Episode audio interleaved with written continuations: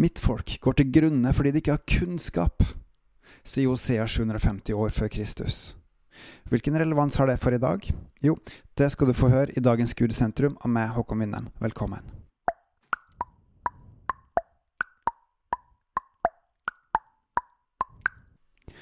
Hosea var en profet som levde ca. 750 år før Kristus, og han profeterte mest mot Nordriket Israel Efraim eh, på den tida, altså noen få tiår før eh, Nordriket falt, og så var han vel også litt indirekte inn mot Sørriket Juda. Det står følgende i begynnelsen av Hosea-boka. Dette er Herrens ord som kom til Hosea, Beeris sønn, i de dager da Ussia, Jotam, Akas og Hiskia var konger i Juda og da Jereboam, Joas sønn, var konge i Israel. Da Herren begynte å tale til Hosea, sa Herren til han, Gå og finn deg horkvinne og horebarn, for landet driver hor og følger ikke Herren. Da gikk han og tok til ekte Gomer, Diblaims datter, og hun ble med barn, og fødte han en sønn. Og Herren sa til han, Kall han Israel. For om kort tid vil jeg hjemsøke Israels blodskyld på Jehus hus og gjøre ende på kongedømmet Israels hus og Israel betyr Guds sår. Det skal skje på den dag at jeg bryter sønder Israels bue i Israels dal. Hun ble igjen med barn og fødte en datter, og han sa til han, kall henne Loroama, for jeg vil ikke mer miskunne meg over Israels hus, så jeg skulle tilgi dem. Loroama betyr den som ikke får miskunn. Men over Judas hus vil jeg miskunne meg. Jeg vil frelse dem ved Herren deres Gud. Jeg vil ikke frelse dem med bue eller sverd eller krig, ved hester eller ryttere. Da hun hadde avvent Loruama, ble hun igjen med barn og fødte en sønn. Og han sa, Kall han Lo Ammi, for dere er ikke mitt folk, og jeg vil ikke tilhøre dere. Og Loomi betyr ikke mitt folk. Gud vil bryte sin pakt med Israel. Gud vil ikke lenger vise miskunn over israelsfolket, og israelsfolket er ikke lenger mitt folk. Og husk på, dette er Nordriket som blir kalt Israel og Efraim. Det er dette her Nordriket som etter hvert blir spredt rundt omkring og blander seg med mange forskjellige folk. Men jødene de dør, utdør ikke, fordi de lever videre i Sørriket Juda, hvor eh, Davids eh, kongeett fortsetter og fortsetter og fortsetter, og etter hvert blir oppfylt profetien blir oppfylt om at hans kongedømme skal være til evig tid gjennom Jesus, Davids etterkommer. Men igjen tilbake til det folket som ikke lenger er en del av Guds pakt, og som ikke får miskunn og ikke er Guds folk. Grunnen til det her er hva Israelsfolket, det nordrike Efraim, har gjort opp gjennom historien, fra med kong Salomo og etterpå. De har valgt å ikke følge Gud, og ikke holde Hans bud, og ikke leve etter Hans vilje, men gått sine egne veier, funnet seg andre guder å tilbe, funnet seg avguder å tilbe og ikke brydd seg om Guds rettferdighet. De har behandla hverandre ondt, og de har ikke brydd seg om de fattige i landet, de har ikke brydd seg om urett som blir begått, de lar seg bestikke, og mye annen urettferdighet, som vi skal komme tilbake til seinere. Hvilken betydning har det her for i dag? Fordi Israelsfolket, de sier Gud, dere er ikke lenger mitt folk. Dere får ikke lenger min miskunn, for dere har handla for ondt uten å ville omvende dere. Men Juda, Sørriket, de får Guds miskunn. Fordi der er det konger og det andre som innimellom omvender seg gjennom kongehistorien. Og etter hvert så er det der det kommer en frelser. Også i dag så står vi på et valg fordi at vi er mange av oss som kaller oss kristne i dag, som ikke har kunnskap. Og kunnskapen er så mangelfull at vi knapt nok vet hvem Gud er. Min Gud er sånn.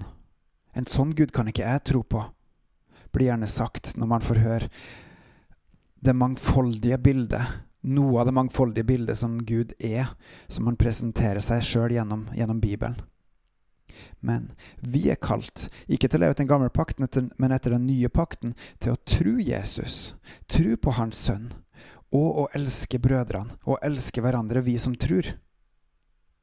Og der ligger standarden som Gud måler oss etter. Det er en fantastisk fin historie og skummel historie i Matteus 25 som får fram dette veldig godt. La oss lese. Matteus 25, vers 31 og utover. Men når menneskesønnen kommer i sin herlighet, og alle englene med han, da skal han sitte på sin trone i herlighet, og alle folkeslag skal samles foran han. Han skal skille dem fra hverandre som en gjeter skiller sauene fra geitene, og stille sauene til høyre for seg og geitene til venstre.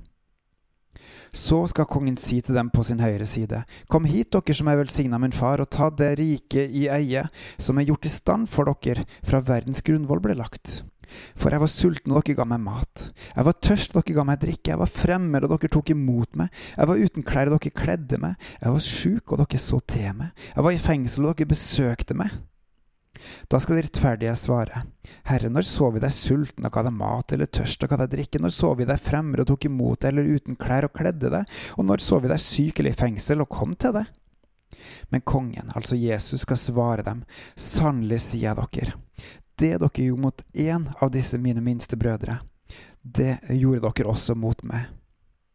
Og brødre er altså de som er Jesus sine brødre, alle de troende. Så vi er kalt til å følge Jesus. Vi er kalt til å tro Han og elske hverandre. Og vi skal faktisk kjennetegnes på kjærligheten til hverandre, vi som tror. Og jeg understreker igjen vi som tror.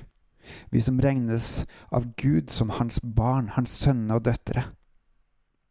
Deretter skal Jesus han si til dem på venstre side, Gå fra meg, dere som er forbanna, bort til den evige ild, som er gjort i stand for djevelen hans engler. For jeg var sulten, men dere ga meg ikke mat. Jeg var tørst, men dere ga meg ikke å drikke. Jeg var fremmed, men dere tok ikke imot meg. Jeg var uten klær, men dere kledde meg ikke. Jeg var syk og i fengsel, men dere så ikke til meg. Da skal de svare, Herre, når så vi deg sulten eller tørst eller fremmed eller uten klær eller sjuk eller i fengsel uten å hjelpe deg? Men han, Jesus, skal svare dem, sannelig, jeg sier dere, det dere ikke gjorde mot en av disse minste, har dere heller ikke gjort mot meg. Og disse skal gå bort til evig straff, men de rettferdige til evig liv. I dag, i Norge, i Vesten, så er vi mange som er kunnskapsløse. Og vi kjenner ikke engang til at det skal være en utvelgelse, at det skal være en dom som forteller oss om vi får lov til å bli med Jesus hjem, eller om vi blir utstøtt til evig død. Borte fra Gud, hvor mørket rår hvor djevelen og hans engler rår, hvor ting er så forferdelig at det ikke går an å sette ord på det. Men hjemme hos Gud, der er det godt, og hver og en av oss som helhjertet omvender oss og gir Jesus ære, som gir han rett å si, Jesus, jeg klarer ikke å leve etter din standard, please, vær så snill, tilgi meg. Vil være som Sørrike, Juda, som omvendte seg av de som gjorde det, og som fikk miskunn. Som ble regna som Guds folk, som holdt seg til pakten fra Gud, og som da får løft gjennom pakten, gjennom Jesus. Nordrike derimot, de valgte å gå sine egne veier og ville ikke bøye seg for Herren. De hadde harde hjerter og tilba andre guder og gjorde som de sjøl ville, og ble overlatt til seg sjøl. På dommens dag skal de få en straff, en hard straff, som kommer til å skremme dem resten av deres evige død. Mens de, de som omvender seg, de som sier til Jesus, Herre Jesus, jeg vil følge deg, hjelp meg i min svakhet til å følge deg. Gi meg en glede over å lese ditt ord, gi meg din styrke til å gå i det. Helligånd, kom og bo i meg. Ta bolig i meg. Hjelp meg til å vokse med deg, for jeg vil være din. Jeg vil vokse videre med deg, jeg vil gi deg ære. Jeg vil bøye kne for deg, og leve for deg og leve med deg. Bruk meg som du vil. Her er jeg. Her er mitt liv. Amen.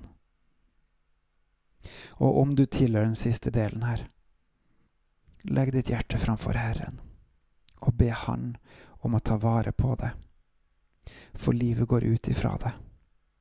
Dobbelt opp. På gjenhør.